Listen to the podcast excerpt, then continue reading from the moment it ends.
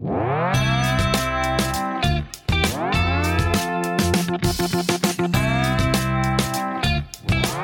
här podden finansieras av Tillväxtverket, Region Jämtland Härjedalen och Europeiska unionen, Regionala utvecklingsfonden. En podcast som vill belysa hur besöksnäringen och turismen bidrar till regional tillväxt. I JHT-podden i det här avsnittet så ska vi landa i Östersund, denna pärla vid foten av ett berg med sin stora sjö, sitt fantastiska friluftsliv och med närhet till detsamma. Ja, så där kan det ju låta när man hör och när man märker att man pratar om Östersund i sammanhang som man kan koppla ihop med besöksnäringen. Och Östersund är ju verkligen en profilerad stad mot just friluftsliv och livsstil. Och det ska locka och dra i arbetskraft, besökaren och oss som bor här. Är det här en rättvis beskrivning tycker du, Mikael Jonsson som är vd på Destination Östersund? Ja men det tycker jag är väl en väldigt bra beskrivning av, av Östersund. Eh, den naturnära staden som vi brukar prata om. Ja, tack och välkommen till podden. Tack Ja, för det är du som är vår speciella gäst i det här avsnittet. Ja, vad härligt att få vara speciell. Ja, Ja, kanske inte brukar känna så ofta men i det här fallet är du det. tack. För vi är lite nyfiken på just destination Östersund och nuläget och framtiden och vart man ska och så vidare. Om du för själv fick beskriva destination Östersund för den som inte riktigt vet vad det är, vad är det för någonting? Som eh, bolag så är det då ett näringslivsägt, eh, näringslivsägt eh, aktiebolag. Eh, det är runt 80 då företag som under 2008 startade Destination Östersund. Eh, vi är upphandlade av Östersunds kommun att driva turistcenter, marknadsföring av staden och eh, möten och event att sälja in det då till, till Östersund. Men vi har också projekt ihop med Östersunds kommun, vi har projekt ihop med Tillväxtverket och Region Jämtland Härjedalen och vi har framförallt eh, 300 partners ungefär. Eh, eller vårt mål är att ha 300 partners, vilket vi närmar oss och det är alltså då det, det är inte ett likhetstecken med aktieägare utan det är då våra näringslivspartners som, som vi då jobbar för. Kan du ge några exempel? Kan det vara inom handeln eller Precis. allt som går att koppla ihop med besöksnäringen? Ja, och Eh, det är det, det som också är intressant, det, då vi kommer komma in och prata mer om Jämtlandsmodellen också, att besöksnäringen är ju, kan man säga, det första lagret av företag. Men sen kommer en massa andra företag i, ska säga, lager två och lager tre som också har nytta av besöksnäringen och nytta av, av, av, en, en, eh, av handel och annat. Så att, mm. Eh, det kan vara, det är primärt sådana typer av företag, men det kan även vara revisionsbyråer eller PR-byråer eller andra typer av, av företag som också är partners. Okej, så egentligen kan man säga att alla som ser någon form av utkomst eller inkomst eller sysselsättning eller intresse som är kopplat till en av våra huvudnäringar i den här regionen, alltså besöksnäringen. Det går att koppla på. Jonas Härjeby är också härifrån JOT. Hej! Hallå, hallå. Ja, du ska ju hålla ett vakande öra över oss. Mm. Ja. Ja, och det är ju bra. absolut. Annars vet man inte. Ja. Känner du igen dig i beskrivningen av eh, Destination Östersund när vi, när vi pratar om Ja, det? ja, absolut. Det gör jag. Och jag tycker att det Micke beskriver, och som du just sa själv också Håkan, är ju, det är ju ett tvärsnitt av, av besöksnäringen. Eh, där vi pratar om inre lager och yttre lager också. och att eh, det är en näring som sipprar in lite här och var och hör ihop med mycket. Mm. Okej, och eh, ofta så kanske man eh, tänker att besöksnäring det ska ju liksom göra att människor kommer hit och turistar. Och det låter idag som en lite gammaldags tanke. Vi har lyft det här i många samtal i den här podden vad faktiskt besöksnäringen är som en etablerad näring. Att den är socialt hållbar, den är också ekonomisk och den ger ringar på vattnet och många andra ser att, eh, vad som är möjligt när man pratar om besöksnäring. Eh, vart är vi på väg, Micke Jonsson, tror du? Jag skulle nog vilja citera Robert Pettersson som jag vet varit gäst i den här podden tidigare och som också är forskare på, på ITOR på Mittuniversitetet. Eh, eh, där han pratar om besöksnäringen som en samhällsbyggare. Eh, och då menar han med det är just precis det vi var inne på. Dels alla de här lagren, eh, dels det du är inne på nu med eh, hållbarhetsaspekten. Eh, det bygger våran infrastruktur i samhällen. Eh, med hjälp av besöksnäringen har vi också intäkter rent ekonomiskt. Eh, vi pratade 725 miljoner vet jag att IOT har tagit fram för länet i skatteintäkter. Det närmar sig en miljard. Mm. Eh, och det går ju till vår välfärd. Så att, jag tror att vi är på väg, det, det du är inne på nu då, och det jag nämner då med Robert som samhällsbyggare är att man ser det här som eh, att man, man bygger attraktiva platser. Och det är både då för besökare invånare och potentiella inflyttare. Mm. Så målgrupperna är inte längre eller kommer inte att vara eller har inte varit på ganska lång tid det vi, det vi kallar turister. Ska vi ta döda turistbegreppet eller behöver det finnas kvar? Nej, det behöver ju absolut finnas kvar. För det finns ju anpassningar för de människor som kommer och bor tillfälligt någonstans. Och det finns ju också marknadsföringsinsatser. Det finns ju massa som, som man gör till, till turister som man inte gör till kanske invånare eller mm. behöver göra till invånare. Så jag tror man ska behålla begreppet. Men däremot så, så måste man tänka på eh, att, att då man bygger en attraktiv plats eh, så är det ju för människor i överlag. Sen om man bor där eller om man kommer dit tillfälligt, det, det kanske suddas ut då lite mer i framtiden. Mm. Hur jobbar ni då med platsvarumärket som det brukar kallas? Vi, vi brukar prata om platser på platsen. Mm. Om vi mm. tar Östersund så har man ju flera platser. Eh, och vi tar stadskärnan som vi kanske är mest kända för att jobba med. Det är en plats att utveckla den. Eh, men vi kan ju addera då Östberg till exempel eh, som har väldigt mycket eh, möjligheter kring friluftsliv och kring eh, utförsåkning etc. etc. cykel. Vi kan ta våran skidstadion eller hela arenabyn egentligen som, som en plats. Och när man monterar ihop de här platserna så måste man titta för vem är de till för och, och vad kan man göra för att göra dem ännu mer attraktiva. Och så får man ju därefter titta på olika målgrupper. Så, men det handlar om att skapa attraktiva platser. Mm. Platsen i platsen. Yes. Hör jag att du pratar om. Mm. Ja. Eh, hur tycker du att det går då med den här utvecklingen då, eh, som ni vill se? Vi stod ju innan för, redan innan pandemin för ganska stora utmaningar då några besöksanläggningar eh, la ner. Vi kan, Frösöso är en.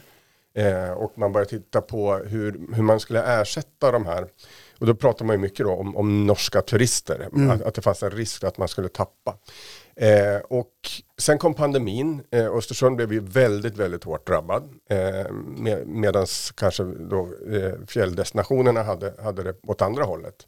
Och då satte vi oss ner och funderade också på vad är egentligen då Östersund? Vilka nya målgrupper kan vi jobba med? Och då kommer man fram till, till det du inledde med och Håkan med att eh, den här fjällnära naturnära och att det är den enda staden också på en ganska, inom en ganska stor omkrets.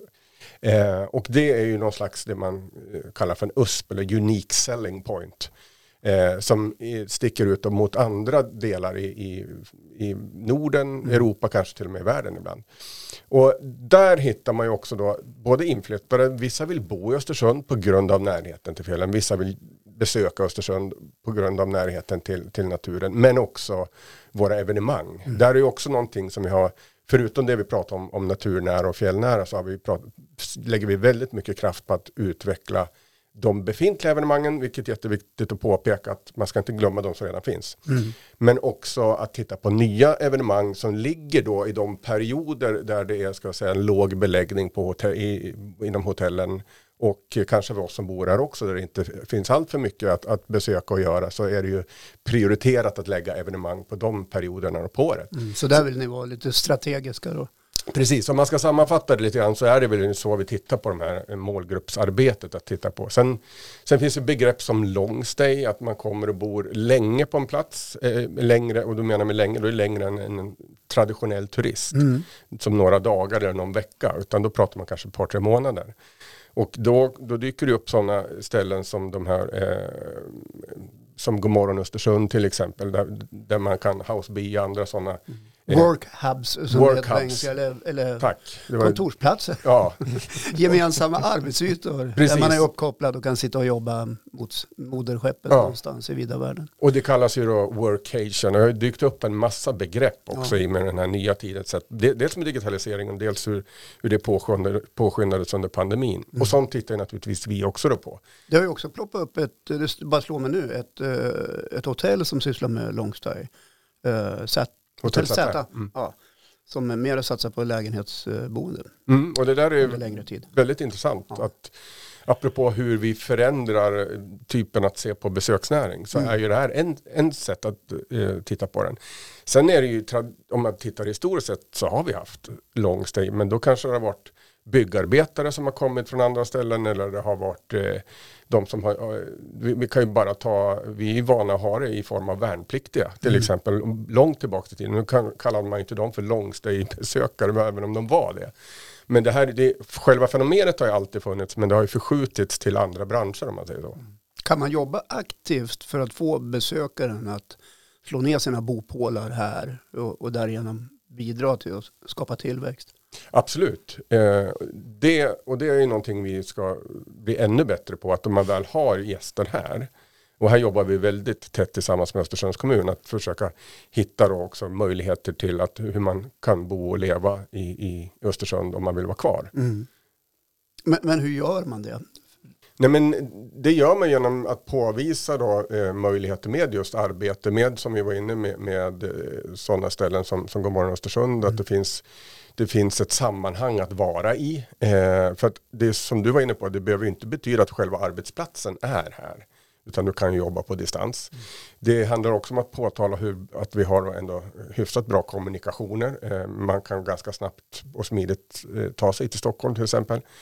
Eh, men det handlar också om att påvisa möjligheten till, till boende och sånt. Och då är det ju inte bara i, i min värld Östersunds kommun utan här kan man ju också ha eh, boende i närheten av Östersund eller eh, ja, i andra kommuner. Då, så att säga. Så för oss då, det är, eh, som inte är, eh, är kommunen så är ju inte en, kanske en kommunal eh, geografisk gräns så viktig utan Eh, Även om vi har det huvuduppdraget så är det Östersund med omnejd om man uttrycker sig så. Det kan ju vara till exempel Krokoms kommun man bor i. Om man nu ska attrahera eh, inflyttare. Så att där, är ju, där utökar vi egentligen spannet lite grann. Mm.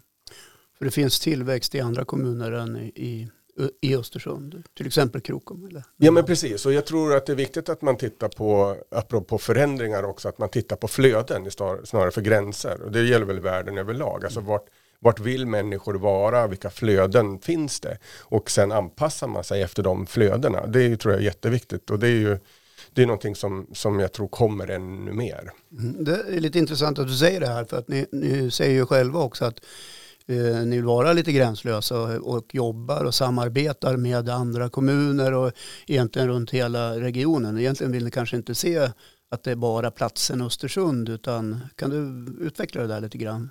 Nej, men det är väl det som vi tillsammans också med JOT pratar om, det som är Jämtlandsmodellen. Därför att vi har en, en, en fjällvärld, vi har kommuner som har, har andra, alltså kanske mer kulturella upplevelser och sånt. Så hela länet, Jämtlands län, har ju olika styrkor.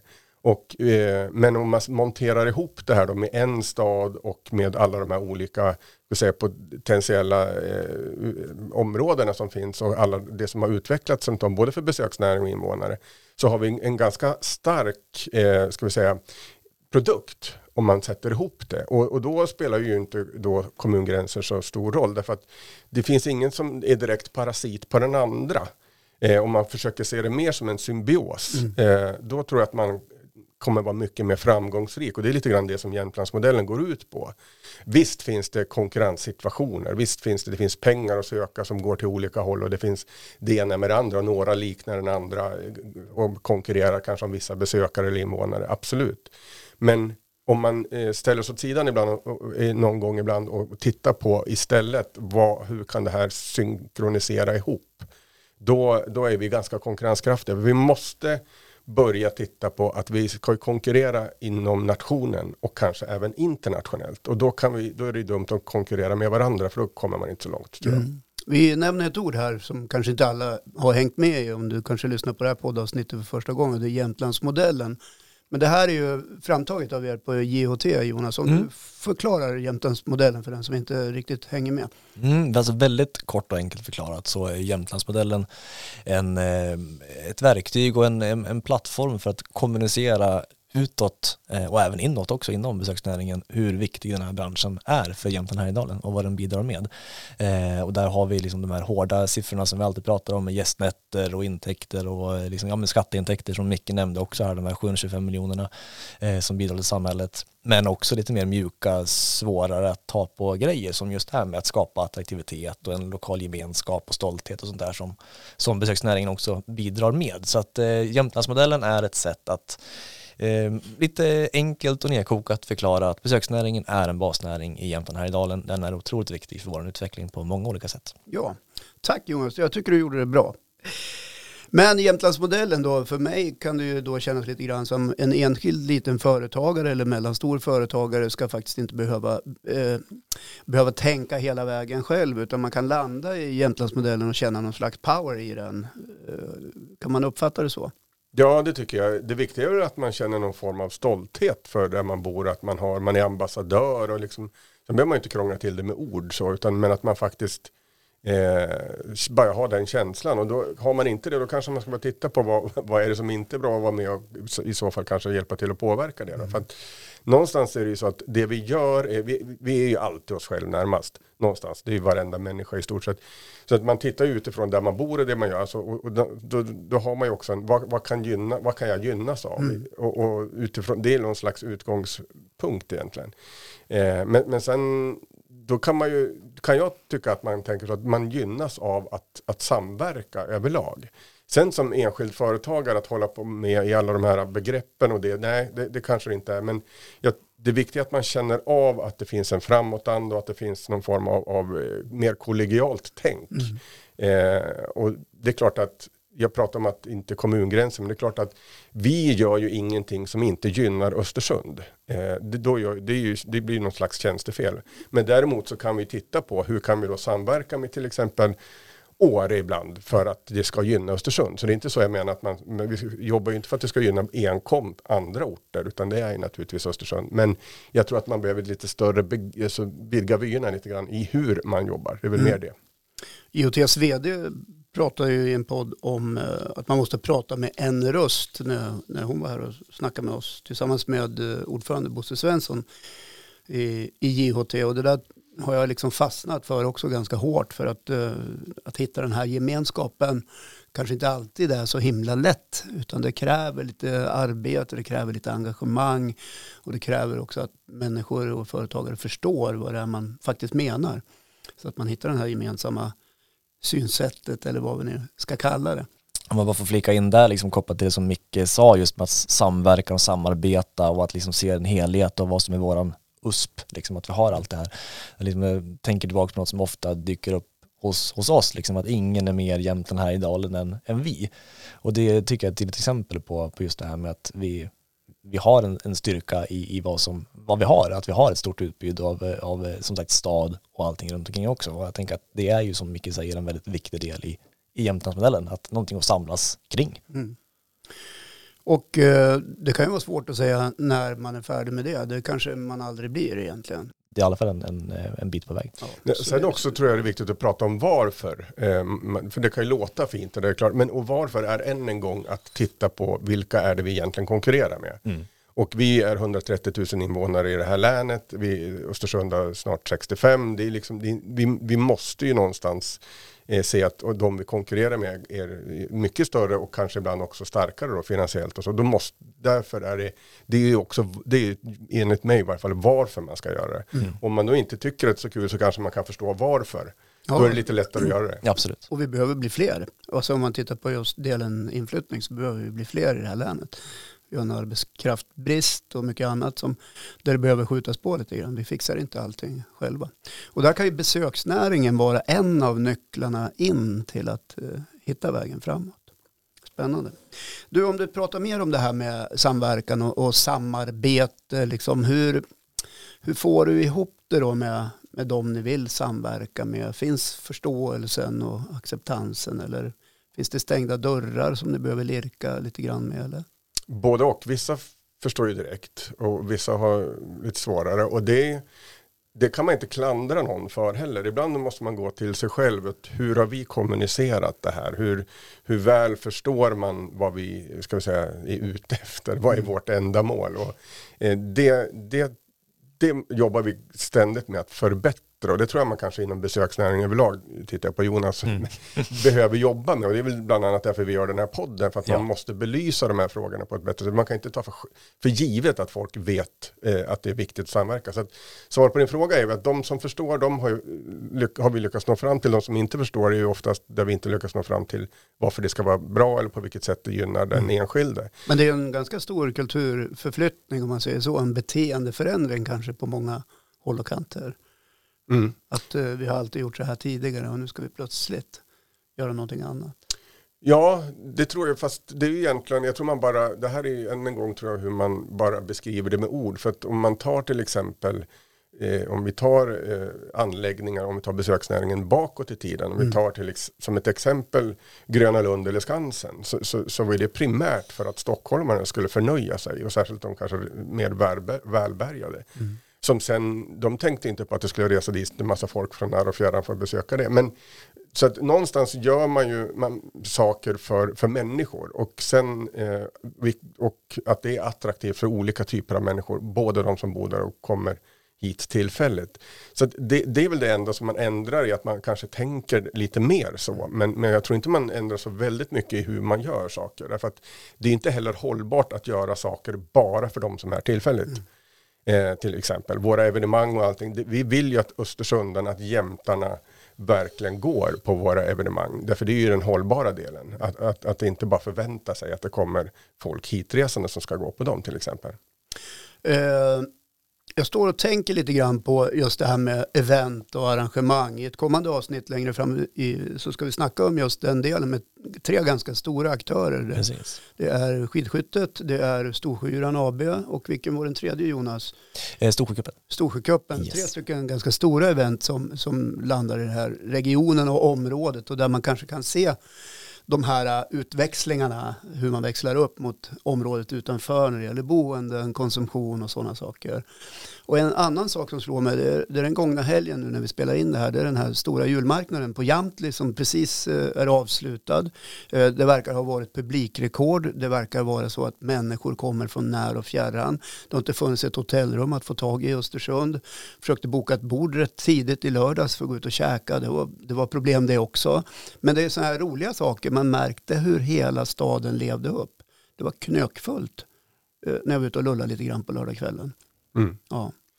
Eh, när du pratar om att man ska hitta de här eh, delarna på året och det kanske inte är riktigt det där säsongs... Eh, det är en mycket större utmaning än att, att lägga saker när det är semester eller när det är jul eller påsk eller mm. sådana saker. Så vad är vägen framåt där då? Ja, men det är ju först att identifiera då de perioderna. Eh, sen identifiera vilka, vad har vi för möjliga ska vi säga, satsningar att göra. Och vilken målgrupp riktar vi oss till. Vi har, jag kan nämna två nu, vi gjorde något eh, tillsammans med några som heter Peak 63 och Sustainable Fashion Week som man slog ihop och kallade Sustainable Outdoor nu under hösten. Mm. Eh, och det var en, en, test. Vi testade att titta på att, att jobba med outdoor-bransch och med, där du inkluderar också mode och allting. Eh, eh, i, i, um, under en, ett evenemang eller under i en samma ram. Mm. Eh, för att se vilka möjliga målgrupper kan man attrahera med det här. För det är många, sen jag började för snart två år sedan som har sagt att det borde göras något med, vi är så starka på outdoor, vad varumärken och branschen. Och, så, och då finns det inte någon som gör det med, med ett eh, hållbarhetstema och det är det vi då testade med eh, ganska bra utfall för det var det första året. Och där tror jag blir också ett återkommande. Och då ligger det i en period där hotellen då annars inte har så mycket beläggning. Plus att det blir också intressant för jämtar och östersundare att gå på det. En annat exempel det är något som, som heter Winter Sports Camp. Och det är alltså då sportlovsveckorna. Östersund har traditionellt sett ganska lite lite eller låg beläggning eller väldigt låg beläggning under sportlovsveckorna. Som man kan tycka är lite märkligt med tanke på där vi ligger, då vi pratar alltså fjällnära och så vidare.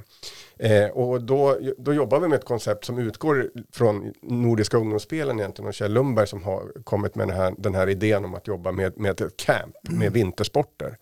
För där är också någonting som vi särskiljer oss ut, om vi ska nu jämföra med resten av Sverige eller kanske till och med internationellt så ligger vi väldigt, väldigt långt framme vad det gäller längd, skidor, skidskytte, curling, konståkning etc. Det finns ju några som vi verkligen, apropå USPar, vi tjatar om de här unika selling points, så kan vi om vi sätter ihop det här göra väldigt intressanta koncept som håller en väldigt hög internationell nivå. Och det ligger då som sagt under, tanken är att det ska ligga under samtliga sportlovsveckor. Mm. Men nu då, då vi testar, vi kör en test även på det, så är det eh, vecka åtta som vi siktar in oss på. Mm. Och det, det, här tror jag är jätteviktigt också att man också vågar, vi har ju möjligheten att testa. Sen ska inte vi driva de här, det låter som att det är vi som äger och ska göra de här sakerna. Men vi vill ju att det är, apropå det du var inne på med småföretagare, att det kanske är en entreprenör som kan ta över olika koncept och driva det vidare. Eller tillsammans med andra företagare driva det vidare. Men ni skapar ändå förutsättningarna för att eh, näringarna och eh, de omkringliggande näringarna förstår och, och kan dra nytta av det och, och sjösättare. Precis, att vi initierar och, och på något vis hit, tittar på de möjligheterna. Sen, sen är det ju så med tester ibland också att de, det, de fun det funkar inte. Och då ska man ju inte driva det. Det är inte speciellt hållbart att driva saker som egentligen inte funkar. Så Men att, ibland måste man ju vara väldigt uthållig också. Att, eh, ja. Saker kan ju växa olika snabbt eller olika långsamt. Och det där är en, en problematik, ja. att, att, att vara uthållig. För är du uthållig då kan du dra ett likhetstecken med att det kostar ju också pengar. Ja. Eh, så då ska du lägga pengar på något som inte genererar så mycket pengar en viss tid innan det gör det. Och det här vet ju de flesta företagare om, men det är ibland ganska svårt ja, att, att få någon de. som lägger de pengarna. Ja. ja. Ja, men man måste in med lite input för att få lite output där borta. Ja. Och du har ju en bakgrund inom startup-världen, så du vet ju vad du pratar om mycket. Precis, och där pratar man ju ibland om du ska vara förändra en standard i världen så räknar man mellan 10-12 år eh, innan man, om man ens lyckas. Mm. Så att det beror också på hur, så att du är helt inne på rätt linje där, att det är den här tålamodet och risken. Att hela tiden ha de här, det här riskkapitalet, oavsett om det är inom privat sektor eller offentlig sektor så behöver du kanske någonstans testa det och eh, ta in det riskkapitalet. Mm. Men det finns ju starka finansiärer Jonas där ute. Ja, det gör det absolut. Som är otroligt verksamma inom både besöksnäringen och andra näringar som knyter an till Ja, men visst är det det. Eh, det som är svårt är väl kanske att som en eh, liten, vi tjatar om Kalle Kanot igen som har dykt upp i flera olika ja, sammanhang som, ja. som används som ett exempel ja, på... Den lilla enmans eller tvåmansföretag. Exakt. Kanske det kan... det mer som livsstil. Eller? Precis, och då kan det vara svårt kanske att eh, slåss för sin eh, sak där man eh, från vissa håll säger inte att alla ser det så, men, men många kanske ser det som att det är en liten hobbyverksamhet liksom. Man kanske inte tas på fullt stort allvar. Och det kan vara svårt då att, eh, att kamma hem någon form av finansiell hjälp från olika håll och så. Men, eh, men det är också någonting som vi försöker kolla på inom vårt projekt och på IoT, att vi vill få upp dels att hjälpa aktörerna att eh, nå ut till finansiärer men också öppna ögonen hos finansiärerna för vilka vi är i besöksnäringen och vad vi håller på med. Men när du nämner Kalle Kanot så är det ju ändå en sån som man kan koppla på på Jämtlandsmodellen. Ja, absolut. När beteendet kommer och, och man får den här gemensamma rösten som pratar för Ja visst, för, för, för Kalle Kanot är ju en otroligt viktig del i, i vår besöksnäring och vad vi, vad vi gör liksom också. Att, ja. eh, även om det är en liten aktör som hyr ut kanoter så är det ju en otroligt viktig aktör för att bygga upp vad vår besöksnäring är. Det är en del av det stora pusslet. Exakt. Ja. Men ert arbete då, Micke, för den här podcasten och det här projektet handlar ju mycket om regional tillväxt, att få lite fart på den, eller ännu mera fart. Vad ser du i er verksamhet att, att eh, ni kan hjälpa till och bidra med då?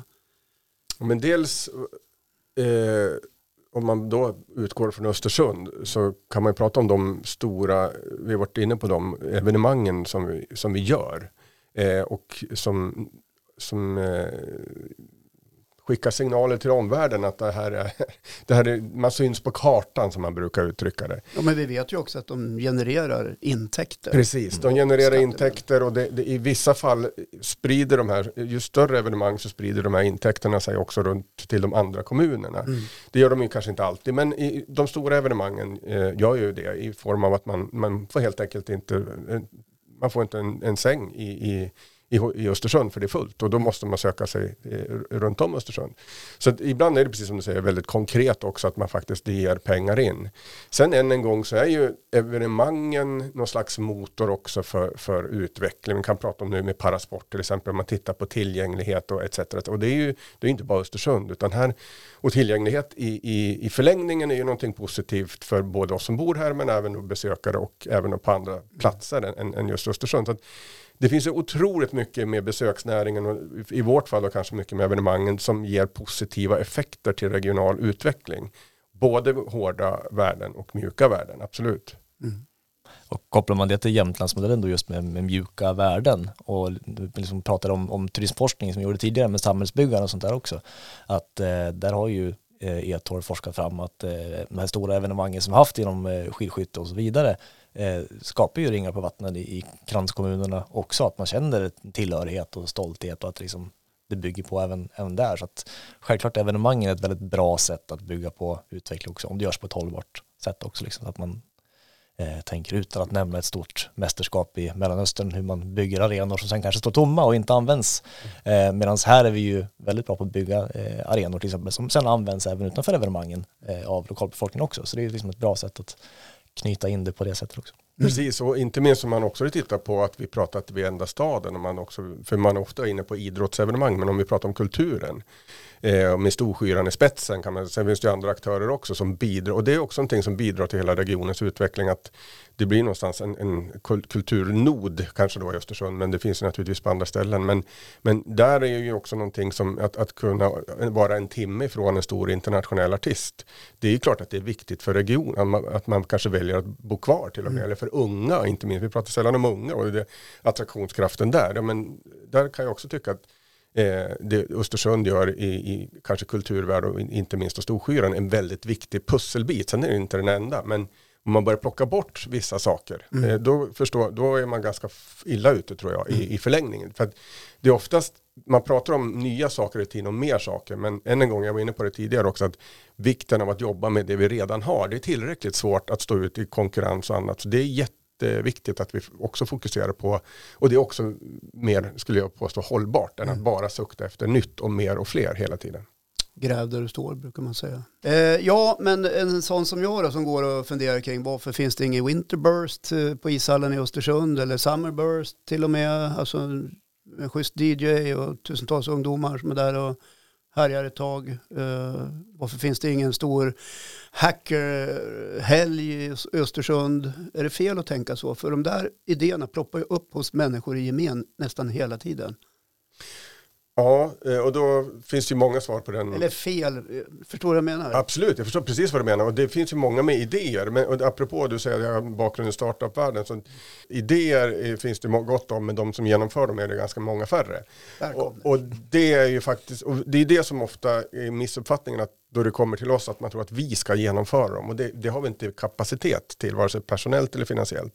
Så att vi är beroende av entreprenörer och vi kan absolut stötta till så långt vi bara orkar och kan. Mm. Att, att man gör sådana saker. Eh, men att, att bara inom situationstecken få en idé och, och, och sen inte någon som gör någonting av med den eh, idén. Det, det blir ju då ganska värdelöst. Mm. Så till er som lyssnar som sitter på idéerna, eh, ta kraft och samla er. För att eh, det är faktiskt ni som kan vara de som genomför er egen idé. Och stödet finns ju. Micke, vi ska ta och runda av lite grann. Eh, ibland brukar vi fråga våra gäster vad de har för tre sköna grunkor eller besöksmål eller sådana där de hittar lite power eller vad man ska kalla det. eftersom vi pratar lite besöksnäring här så tänkte jag att du ska få välja tre sköna, schyssta platser dit du kanske återvänder. I Jämtland då? Ja. Eller du får egentligen välja vart du vill, men du får helst välja Jämtland. Eh, nej men någonstans eh, är det ju just att då vi befinner oss i Jämtland att man, man, spontant, och det måste jag även säga, jag är ju fjällvärlden överlag, men kanske att vara högst uppe på skutan eh, i år är ju fantastiskt. Mm. Eh, eller eh, att, att eh, gå och fiska i fjällvärlden och det, där finns det många ställen att välja på. Så att, det är väl det primära jag tänker på då man, då man tänker på att besöka och hämta kraft som du säger. Eh, likväl som att jag i Östersund kan gå på olika evenemang eller arenor, eh, både idrott och kultur för att, att eh, samla kraft och, och förnöja mig. Eh, så att det är väl, det var ett Du menar att du är ute och roar dig alltså? Ja, det Ja, gör även jag ibland. Ja. Ja. ja. Det var två det. Det var två det. Ja. Ja, den tredje. Eh, jo, men jag kan faktiskt, eh, att, men då är det, det är en väg egentligen. Det är ju det är ju 87an. Mot Hammarstrand. Ja, alltså det tänker man sällan på. Det, alltså hur vackert det är att åka Bispgården. Bo, exakt, eh, hela Ragundadalen och det där eh, är också en, en, tycker jag, en väldigt fin miljö att vara i. Mm. Eh, sen råkar min pappa vara från Sollefteå, så jag har åkt den där vägen ett antal eh, gånger. Så, men, men det är just själv, den vägen är en, en speciell väg för mig Mm. att åka. Den är vacker. Indalsleden kallas den väl? Precis så. Ja. Ja, bra. Jonas, har du något att tillägga innan vi stänger ner butiken för idag? Ja, men jag tycker att vi har lyft fram eh, väldigt, många viktiga bra punkter och eh, summan av kardemumman på, eh, på flera sätt tycker jag. Att vi har knutit ihop säcken med, med, med evenemang och Östersund och Jämtlandsmodellen och Jämtland Härjedalen som helhet. Jag tycker att eh, vi har verkligen lyckats lyfta fram att besöksnäringen är stor och viktig här. Ja. Tack så mycket för att du kom hit, Micke Jonsson, VD för Destination Östersund. Tack för att vi fick komma. Och tack till dig också, Jonas. Tack så mycket. Sköt om er så länge. Och, det här får vi inte glömma, god jul på er. Ja, men god, God jul! Ja.